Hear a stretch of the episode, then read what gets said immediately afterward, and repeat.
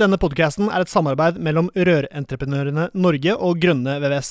Felles for både Eli og meg er at vi brenner for rørbransjen, og vi ønsker å dytte bransjen i riktig retning. Men dette får vi selvfølgelig ikke til alene, vi trenger flere. Du kan bidra med å abonnere på podkasten, skrive en omtale i iTunes og dele denne med folk eh, du er glad i. Da setter vi i gang med ukens episode.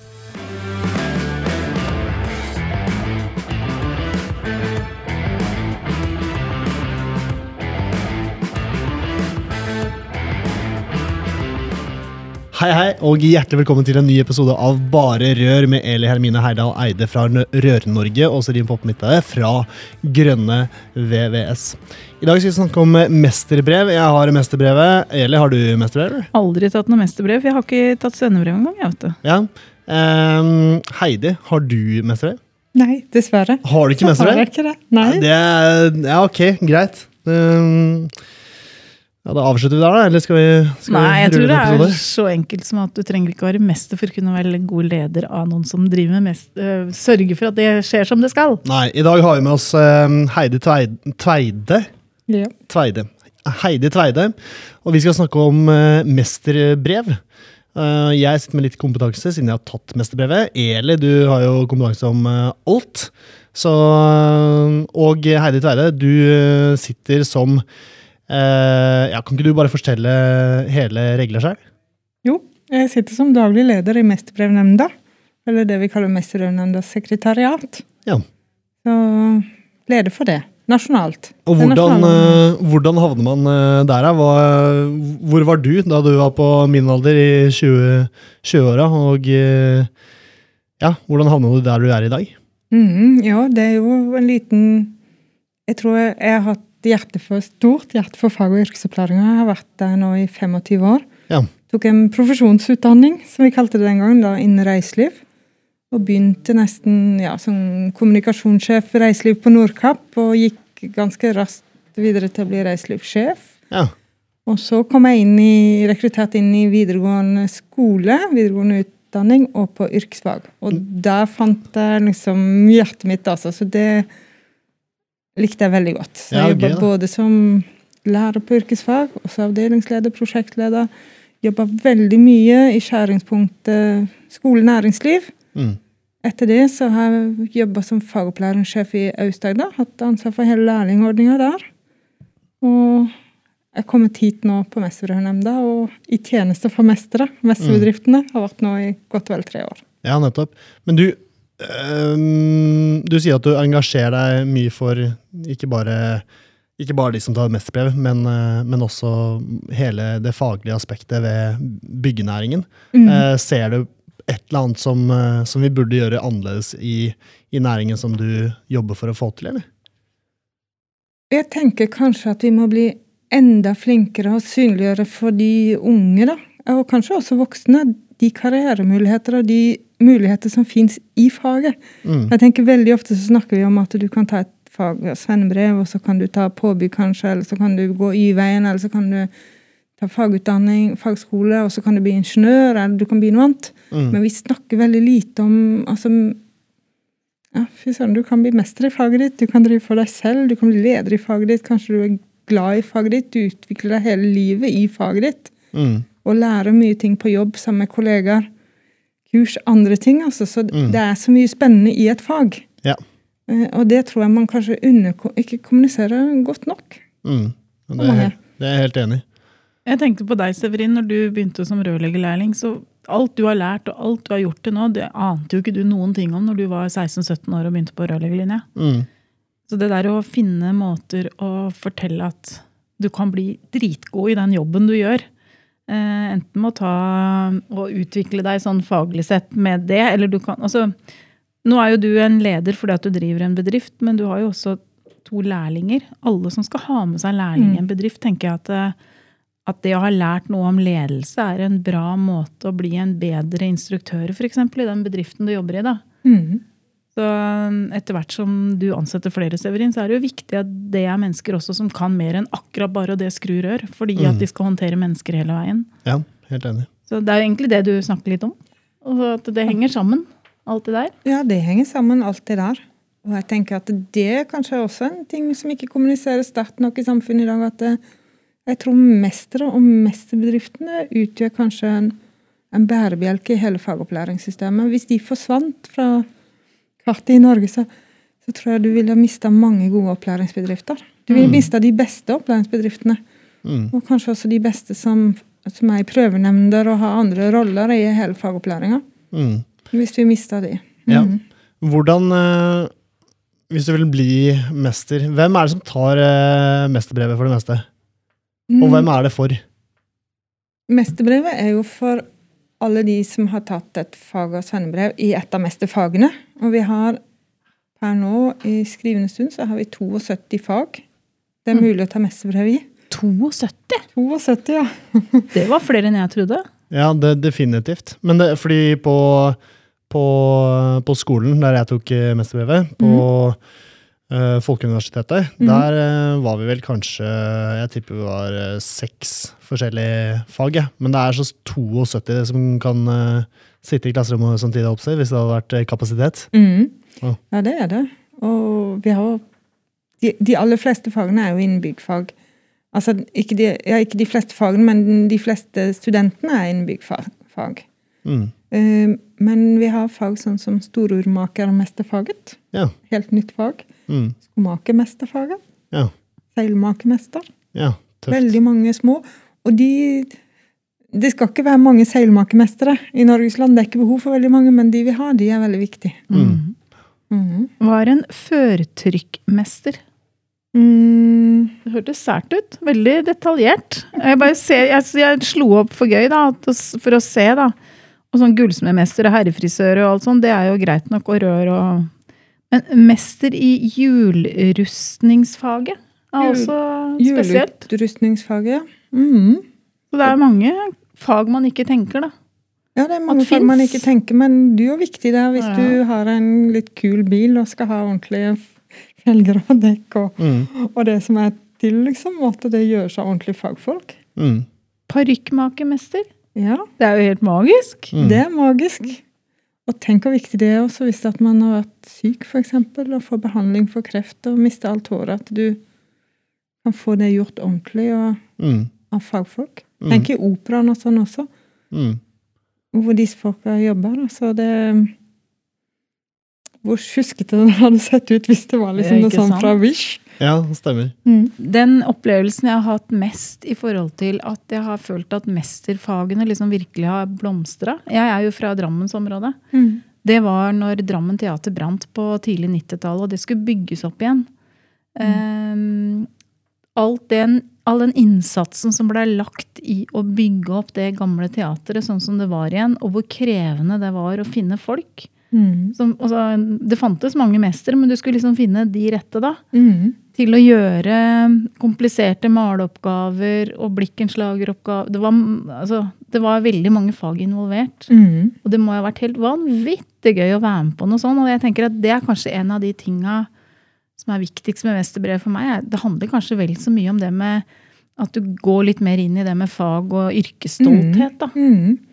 Ja, for det handler jo også om mer fagkunnskap. For eh, en mester har jo mer praksis i faget. De har lært mer i faget. De har også tatt en utdanning som går på lederutdanning av bedriftsledelse og fagledelse, ja. Men, Mm. men det er faglig ledelse og ledelse i ditt fag. Mm. Så de har en større fagkunnskap enn det andre har. Og i nye mesteren som kom ut nå, så forteller vi historien, og den vil jeg anbefale å lese om, om syv mestere som har laga Kongens bord inne på Slottet. Mm. Det som kongen har i statsråd. Og altså de fagene og det håndverk som skal til Mm. for å gjøre det, det er imponerende. Og det er gøy å lese. Altså, så jeg tenker når de skal lage noe på Slottet, så er det ikke hvem som helst som kan gjøre det. Nei, Du kan ikke bare bestille de billigste på et anbud. Mm. Det er kvalitet og håndverk og kunnskap som vinner de anbudene. Mm. Og etter de hadde fått gjort ferdig bordet, så var de så fornøyd på Slottet at Sonja bestilte også at eh, hun fikk laga klesskapene sine Oi. Ja. av de samme. og Det sier litt. Ja, tøft. Mm. Men du, Severin, hvorfor valgte du å ta mesterbrev? Eh, fordi du pusha meg tidlig. Unnskyld latteren. Men det er jo sant. Ja, det er Jeg sant. sa vel egentlig til deg at jøss, har du starta firma og ikke har mesterbrev, sa jeg.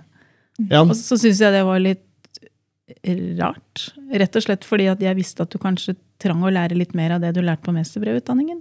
Ja, jeg ønsket egentlig bare å lære mer og se hva et mesterbrev, mesterbrev kunne gi meg. Og så vet jeg at et, med et mesterbrevstempel så har du i hvert fall fått noe. Eh, og så liker jeg å lære, og det er jo litt sånn BI-typ. Uh, mye av det du lærer der, med business og hvordan drive et firma i utgangspunktet. For det lærte du ikke når du tok svennebrev.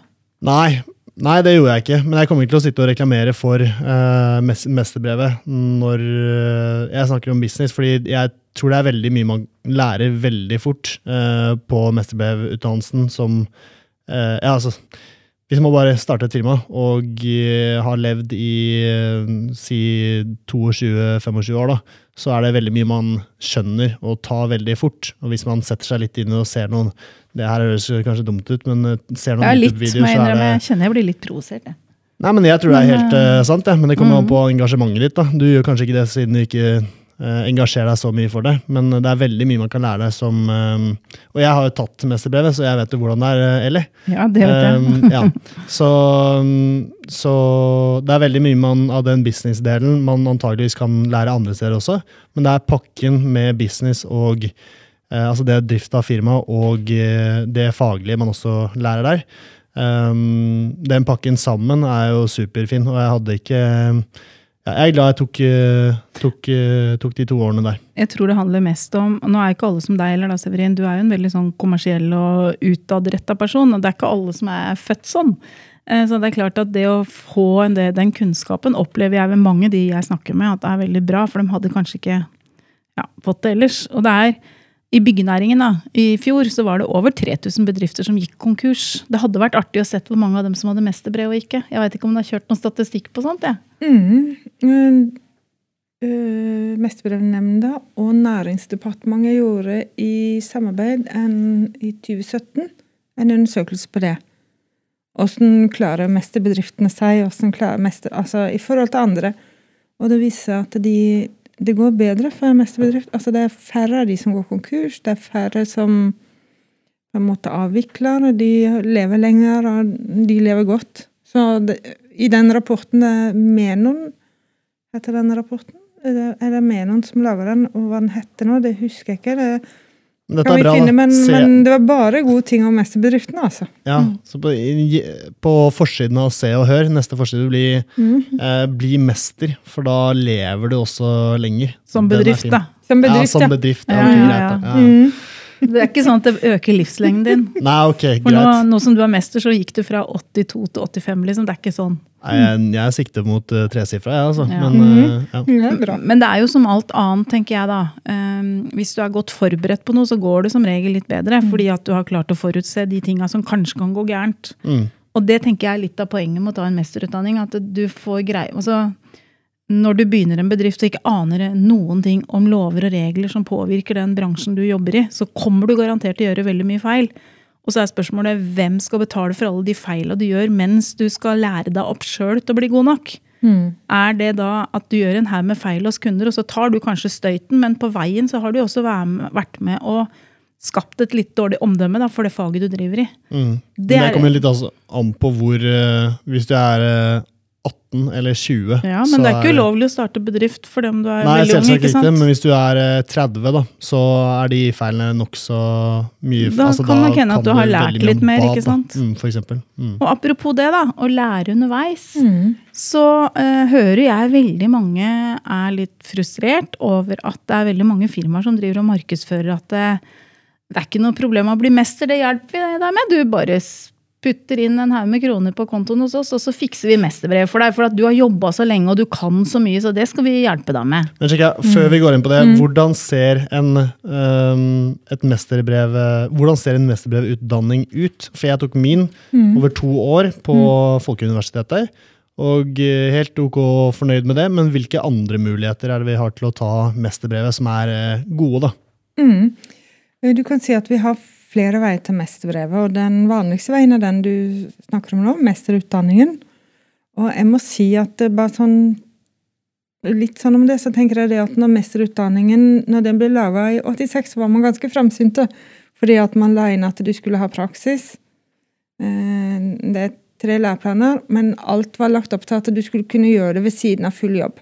Og se på universitetene og, og det hvordan det jobbes nå, så er det liksom krav til praksis. Fylle inn god, At praksis skal ha en verdi, at praksisen skal bli god. De strever veldig nå med å finne liksom, god praksis for studentene. Mm.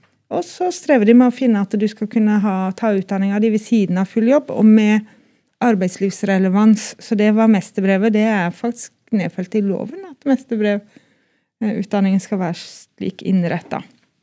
Men det er flere leverandører. Han, det, han Ja, er vel nå har vi, vi har fire leverandører som har det vi kaller sånn, altså som er godkjente mesterutdanning, og det er blimester.com, som er bransjeforeningene sin egen innen byggfag. Og så har vi Mesterakademiet, som er en nykomling den siste året. Og så har vi Folkeuniversitetet, som har vært med siden tidenes morgen, siden 87, 86, når dette ble starta. Og så har vi så har vi VEA, altså fagskolen VEA. Grønne fagskole. Så det, er altså, bare for anleggsgartnere, blant ja, annet. Ja, mm, med grønne fag. Blomsterdekoratør og anleggsgartnere og grønne fag. Ja. Mm. Det er de som er forhåndsgodkjent nå. Eller godkjente mesterutdanninger. Så har vi de forhåndsgodkjente. Som vi sier at eh, hvis du tar f.eks. En, en fagskoleutdanning innen byggfag, altså byggteknikk, eller hva det kanskje det heter nå, på mange, Eller rør, Chem, da. Ja, Eller VVS, som det ja. snart heter. så har disse utdanningene en sånn forhåndsgodkjenning. Så hvis at du har fullført og bestått alle de fagene de to årene, altså en helhetlig utdanning, og har bestått de karakterkravene og sånn, så kan du søke om mesterbrev med bakgrunn i det, da. Og det er det en del som gjør. Så har vi en mulighet for å søke om fritak for noe fag, og du var inne på det og nevnte sånn som BI f.eks. har har noen fag som kan ligne en del på, på bedriftsledelse. Og det er noen som gjør det. Noen som har tatt f.eks.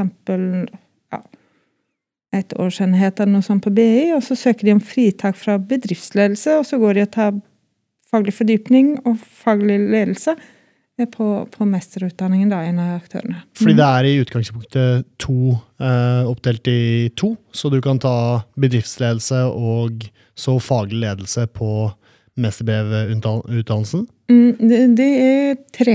Det er tre læreplaner. Altså Ja. faglig ledelse, faglig fordypning og bedriftsledelse. Ja, nettopp. Så bedriftsledelsen kan du ta på f.eks. BI. Mm. Ja. Jeg har tatt en årsenhet på BI i Ja. bedriftsledelse. Ja. Den regner jeg med sannsynligvis ville erstatta den.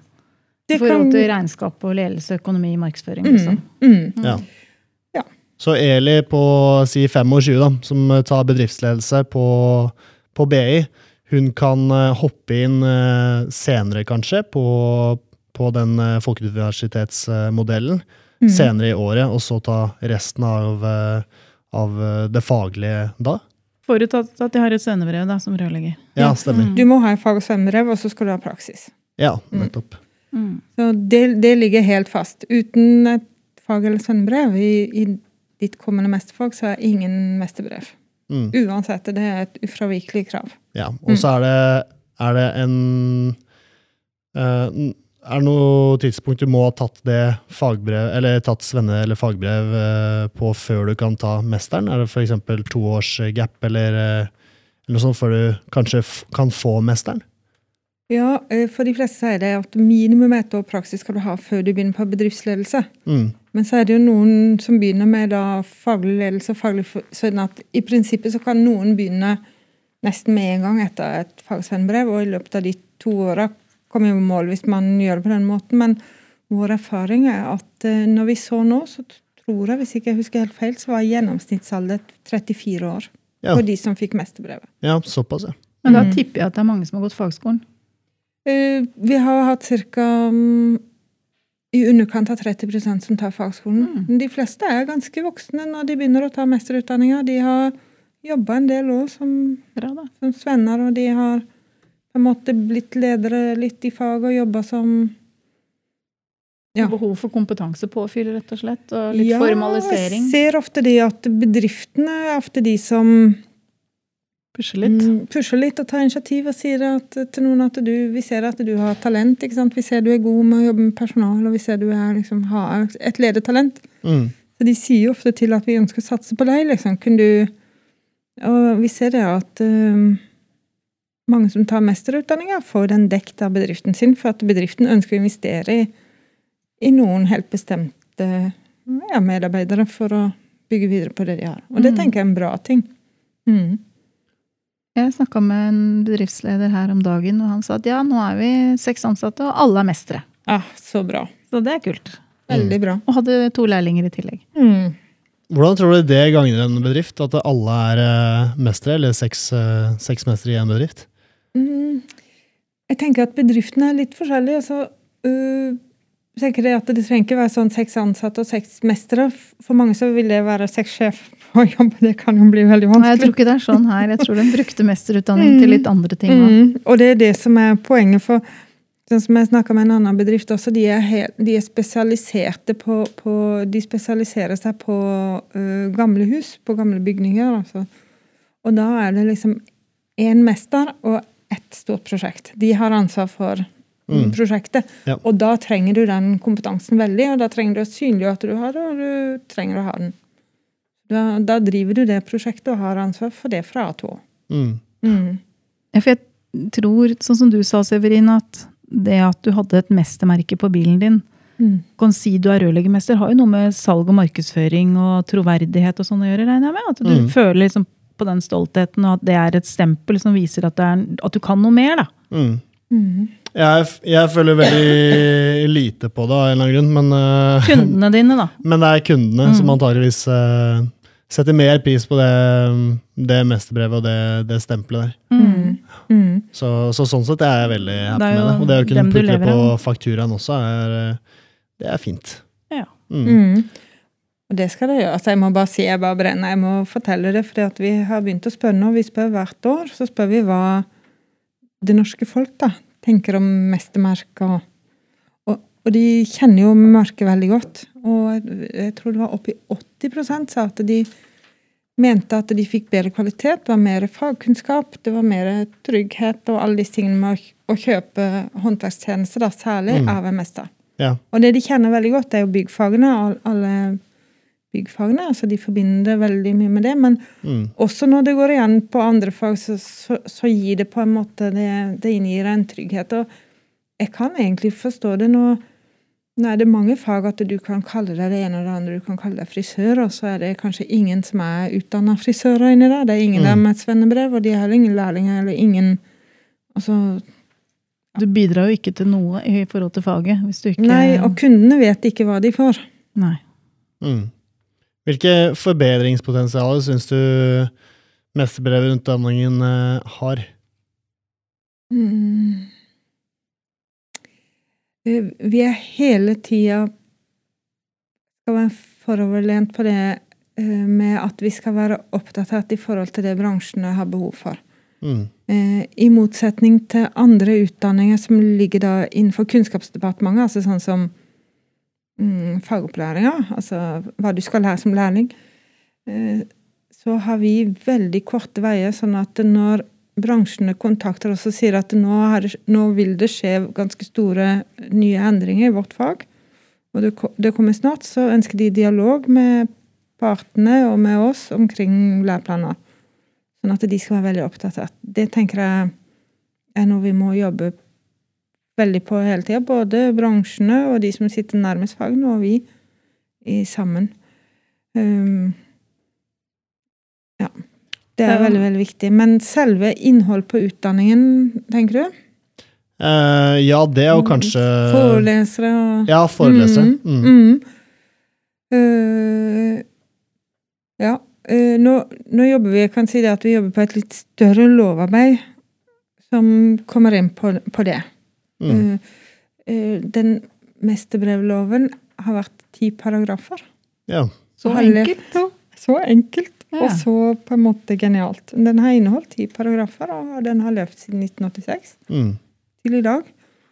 Eh, Nå skal den revideres, og da blir det revidert med at vi også følger resten av samfunnet. håper Jeg med det at i forhold til studenters rettigheter og plikter, utdanningsinstitusjonens rettigheter og plikter, og også Mesterbrevnemndas rettigheter og plikter inn i et sånn type løp. Mm. Eh, Det har ikke vært eh, en tradisjon i det, sånn, sånn som det har vært i dag. Og jeg tenker det at eh, Jeg vet ikke helt med, med de som skal utdanne. Jeg tror også at bransjene kanskje Dette kom inn i forskriftsarbeid, men at bransjene kan være med og si noe på det. men når jeg jobba i fagopplæringa, så var det veldig viktig for meg at de som var i prøvenemnda, det var også viktig for yrkesopplæringsnemnda, altså de som satt og bestemte deler av det her, at uh, de som ble oppnevnt i prøvenemnda, var de som var, jobba og var aktive i faget. Mm. Uh, for oss så var det veldig viktig. Mm. Sånn at de som skulle bidra, altså være med i siste fagprøven, at de kjente faget veldig godt og var opptatt av at det Jeg tenker det er ikke det viktigste at de som skal undervise på de studiene, skal være pedagoger, eller at vi skal, bli, vi skal ikke bli mest mulig lik akademiske utdanninger. Nei, mesterbrevet er mesterbrevet. Det er noe eget, og det er på mm. sine, på fagenes premisser, og det er på ja. bransjenes premisser. Ja. Det skal være det, men jeg tenker at uh, en veldig fordel det er å være At vi skal finne de beste i faget. Mm. Mm og de beste representantene i faget til å, å, gi opplæring til de nye. Og det tror jeg det følger liksom både med at uh, en instruktør De beste skal være instruktør for lærlingene. Mm. Og de beste skal være um, prøvenemndene, og de beste bør være de som lærer opp mestere mm, i ja. faget. For det er, Jeg har jobba med fagopplæring i mange år, mm. men via mm. opplæringskontor. Og det veit jeg at veldig mange opplæring, eller de som, altså fylker da, som driver prøvenemnda, egentlig, for det er jo fylket som på en måte sitter på den delen av utdanningsbiten. Det er veldig vanskelig å si til en som har vært i ei prøvenemnd, tror jeg, virker det som, at nå har vi ikke behov for dine tjenester mer. Altså den derre der, Egentlig litt synd, for det er litt useriøst. Men man burde vært flinkere til å bytte ut folk i prøvenemndene rundt omkring. Mm. Ikke fordi at folk ikke er flinke lenger, men fordi at nei, vet du hva nå er ikke du aktiv i faget lenger. Altså Når du er blitt pensjonist, så burde mm. du ikke hatt lov til å sitte i ei prøvenemnd. Men sånn kan man fortsatt oppleve da, rundt omkring, ser vi. Mm. Og det burde jo kanskje vært sagt litt høyt, eller stått et eller annet sted. Men jeg er ikke sikker på om det står noe sted. Jeg tror ikke det. Nei. jo, men, jo, men, jeg skjønner jo at det er litt sånn der, Jeg husker bestefaren min ikke fikk lov å kjøre bil lenger. Og han mm. mente jo at han kunne kjøre bil, for det mm. hadde jo han gjort i 60 år. Mm. Og så mm. skulle plutselig noen komme og si til han at han ikke kunne det lenger. Det var jo ingen som hadde lyst til å si det, og det var jo ikke noe hyggelig å si det. Men det er jo litt sånn, samme at hvis du sier til en som har sittet i prøvenemnd i mange år, og som føler at dette er liksom dette kan jeg fortsette med etter jeg har gått av med pensjon. Så er det litt sånn Nei, sorry, Mac. Egentlig så er bommen gått ned nå. Mm. Men, og det kan mm. høres litt sånn hardt og kynisk ut, og vi tar ikke vare på de gamle og sånn, men det er jo ikke sånn ment. Det er bare snakk om å prøve å mm. involvere større deler av bransjen. Da. For det er jo mm. ikke en sånn jobb du har pga. lang og tro tjeneste. Det er ikke det. Og det er ikke vår oppgave å ta vare på pensjonistene. Vår oppgave er å ta vare på mesterbrevordninga. ikke sant? For nye mestere og kommende mestere. Mm. Det er vår oppgave å gjøre. Og da tenker jeg at du ja, er du pensjonist, er du tillitsvalgt på fulltid eller jobber med helt andre ting, så Er ikke prøvenemnda din greie? Nei, jeg tror kanskje at jeg heller til det. Mm. Mm. Men jeg tenker på, nå spurte jeg et spørsmål i stad, og så fant du ut at det må vi vente med, for at hun skulle snakke litt om mesterbrevutdanningen. Men mm. jeg veit at veldig mange er opptatt av det jeg spurte om i stad, i forhold til om det fins noen sånn snarvei til mesterbrev. Og ærlig talt, liksom, jeg har jobba som rørlegger i 30 år, jeg driver firma i 20 år, jeg må jo kunne få mesterbrev da, er jo en del mm. som tenker, og det er ikke så rart, for det er veldig mange som sier at det er ikke noe big deal, jeg fikser det for deg. Mm. Hva gjør vi med sånt? Hva skjer der, og hva, er det lov? Mm. Nei, det er i hvert fall ikke lov at noen andre fikser det for deg. Det er det ikke. Jeg kan fortelle litt kort om den ordningen jeg tenker at en del liksom tenker på eller sikter til. For det er en vei til mesterbrev som heter på bakgrunn Du kan søke om mesterbrev på bakgrunn av det vi kaller eh, realkompetanse. Mm.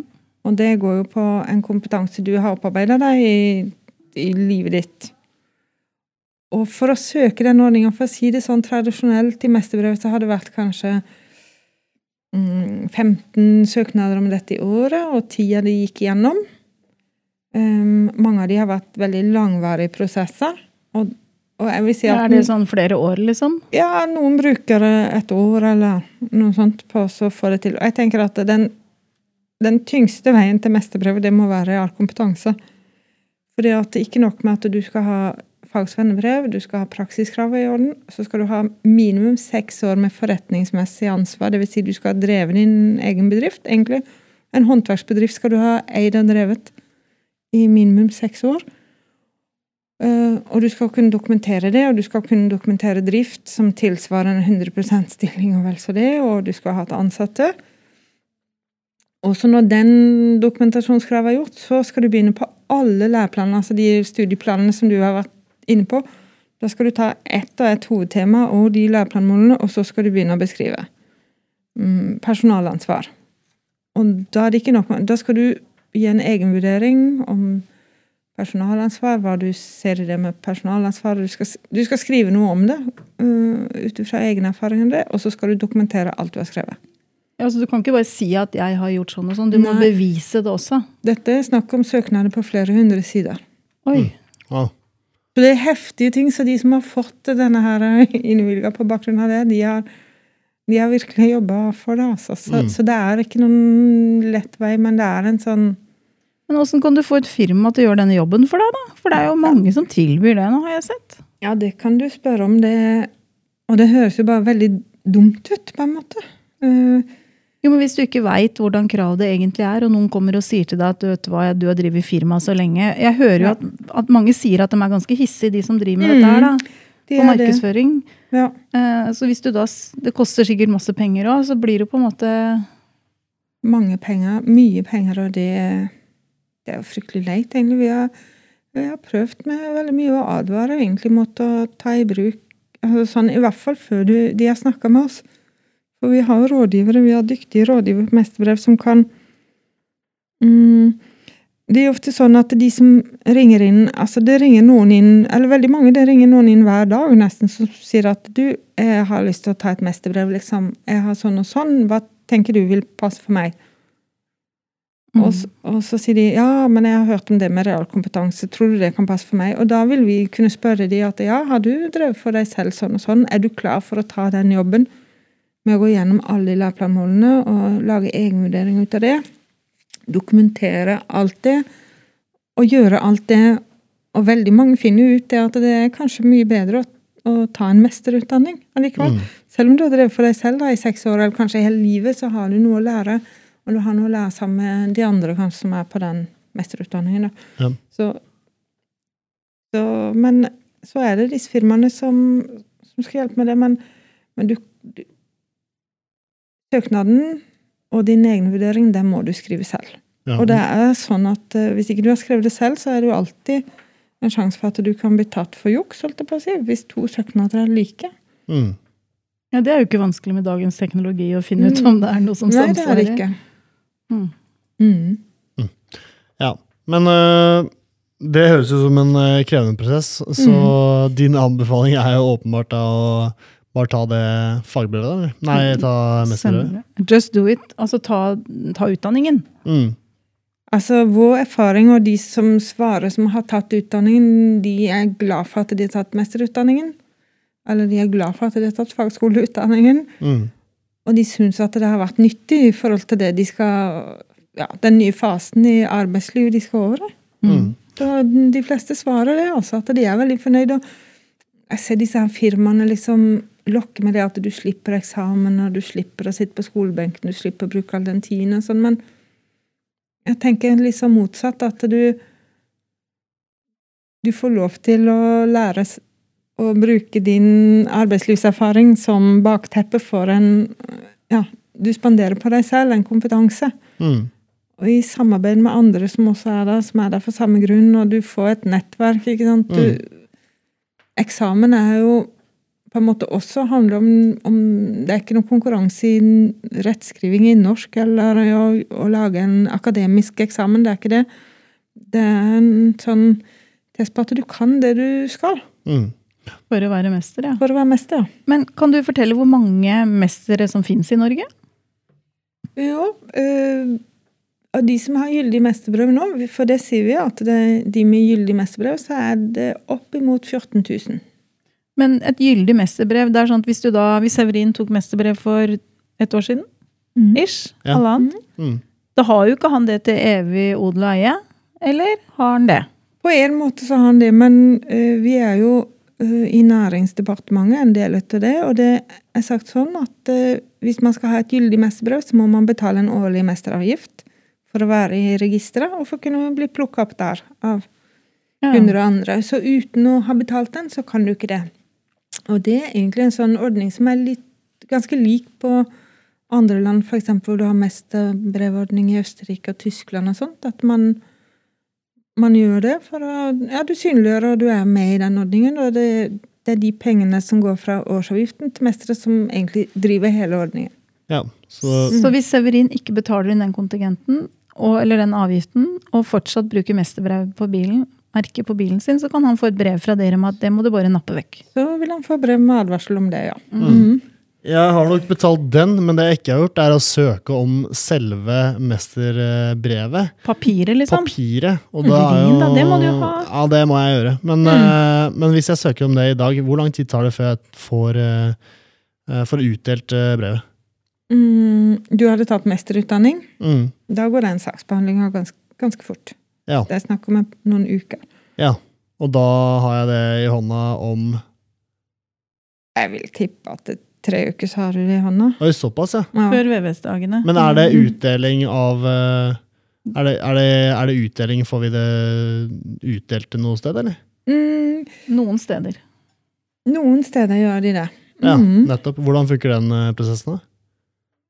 Eh, Rørentreprenørene har utdeling av mesterbrev nå, om ikke så veldig lenge, i oktober. 18, 18 Bransjene 20 gjør det hver for seg. Mm. Ja. Eh, Bortsett fra at sånn som når jeg var i Buskerud, så testa man ut på eh, 30. april, altså dagen før 1. mai, arbeidernes dag, så var det Mm. alltid svennebrevutdeling på teater i Drammen. Mm. Da delte man ut svennebrev på en sånn høytidelig greie, men så testa man ut også å dele ut mesterbrev. For det er jo Mm. liksom samme familien og samme gjengen, og det tror jeg var, jeg tror faktisk de har fortsatt med det. Mm. Eh, Og da fikk alle mesterbrev, alle som hadde tatt mesterbrev i Buskerud, fikk da tilbud om å være med der. Ja. Mm. Eh, Så det var, men det er veldig avhengig av lokale ildsjeler. Eh, Så Ja. i rørleggerfaget så er det Rørentreprenørene Norge som jobber med det, den jobben, da. Ja, jeg bare husker I Oslo. Ja, jeg husker Joakim som tok eh, det noen år før meg. Han eh, dro vel på et eller annet eh, kommunehus eller Jeg husker ikke om han hadde det i Laugsalen eller på Håndverkeren i I Oslo, kanskje. Mm, Det er ikke så usannsynlig. Mm. Du tilhører Oslo? eh, Bærum. Mm. Ja. Ja, da tror jeg det er Oslo-Bærum. Er ikke det Har ikke de det sammen, tror jeg? Mm, Ja, det kan godt tenkes, det veit jeg ikke. Men, Jeg håper det. men det er også hvis, det ikke er, eh, hvis du ikke bor på et sånt sted at du får utdelt, eller kan få da, utdelt på Mm. sånn formell greie, så får du det bare i posten. Ja, Mm. ok, greit. Det er ikke verre enn det. Ja, nei, men da er det bare å søke i vei, da. Men jeg tenker jo sånn at hvis det er mulig å få lov å være med på en sånn formell utdeling, så er jo det dritstas. Altså, det er en Det er veldig fint. Så Det det, er- ville jeg gjort, tenker jeg. Kjempefint. Nå Mm. vet jeg de skal ha en i oktober. Ja. Mm. Du kaster deg rundt, kanskje du kan være med på den, Severin? Ja, Mm. kan prøve. Du er med medlem i er midt i oktoberfesten, da. Men eh, kanskje vi kan kombinere eh, det. liten fest etter. Er det greit at jeg stiller i full eh, oktoberfestmundur under oppdeling? Det tror jeg helt, ja, ja, De pleier å ha pent antrekk da, også rørende rørentreprenørene. Ja, da er det viktig at det kommer før festen. Og så Ja. Ja. Det Mm. tror jeg kanskje, da. ja når, når utkledning er ren og pen. Ja. Heidi, er det noe du vil eh, legge på helt på tampen? Mm. Nei, jeg tror vi må bare si det at uh, det var fint framsnakke det her. Så jeg tenker det, Norge trenger flere mestere. Enn når vi trenger, så er det flere Mm. mestere. Mm. Ja, seks av ti bedrifter Sier at de trenger det. Ja, de er trenger det. Mm. Og de mister oppdrag for at de ikke vil ha det. Og så vi, ja, vi har en fordømt plikt, tenker jeg, til å framsnakke og til å få det beste ut av det vi kan. Mm. Og samarbeide godt for å få det til. Ja. Mm. Det er en av de tinga vi jobber med i Rødrent. Altså Oddgeir Mm. Tobiassen hos oss er jo på en måte kontakten vår i forhold til Mesterbrevnemnda. Mm. Og det er klart at De som sitter i Mestbrevnemnda, kan ikke så veldig mye om rørleggerfaget. Det er jo ikke det dere kan. Så det er jo, hvis noen lurer på hva vi som bransjeforening driver med, Mm. så er det også en av de greiene da, som vi gjør på vegne av hele bransjen.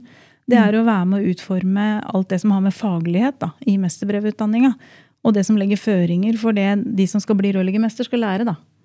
Det er jo, for det er ofte litt sånn åh, hva er det vi driver med i Rør-Norge? Så skal du liksom prøve å komme på alle de tinga. Men dette er en av mange, da. Mm. Mm. Eh, Så det er, en, det er en utdanning som er veldig viktig for faget vårt. Jeg tror det handler mye om yrkesstolthet, som jeg sa i stad. Mm. Veldig. Det er veldig mange som er veldig stolte av å være rørleggermester. Som Mm. jeg håper noen av dem hører på nå. For det, Ja, altså tenk hvor trist den fremtiden hadde blitt. At det eneste veien liksom for å klatre videre i faget på en måte var å bli akademiker. Mm. At studere, liksom, det er jo Nei, du må få lov til å bli skikkelig god i faget og ha glede i faget og utvikle deg i faget. og Mm. Kunne lede nye Ja, kunne starte å drive for seg selv. Det er jo Mm. Er ikke det også ganske gøy? Var Det det? er jævlig gøy. Ja. Jeg vil tenke at det var det. Ja, Heidi Deide, tusen takk for at du kunne komme innom og fortelle om eh, mesterbrevet. Eli, eh, takk igjen for nesten 70. gang, tror jeg. Og eh, ja, så prates vi igjen om en eh, ukes tid. Ha det godt så lenge. Halla, hvis du likte denne podcasten, hadde vi satt utrolig stor pris på om du abonnerte og gir oss en tilbakemelding i avspilleren. Spre gjerne ordet videre til andre i rørbransjen som brenner for rørleggerfaget og er opptatt av å drive en seriøs rørleggerbedrift. Mitt navn er Severin Poppe Midteide, og med meg har jeg co-host Eli Hermine Heidal Eide. Sammen er vi to podkasten Bare Rør med Eli og Poppe. Et samarbeid mellom Grønne VVS og Rørentreprenørene Norge.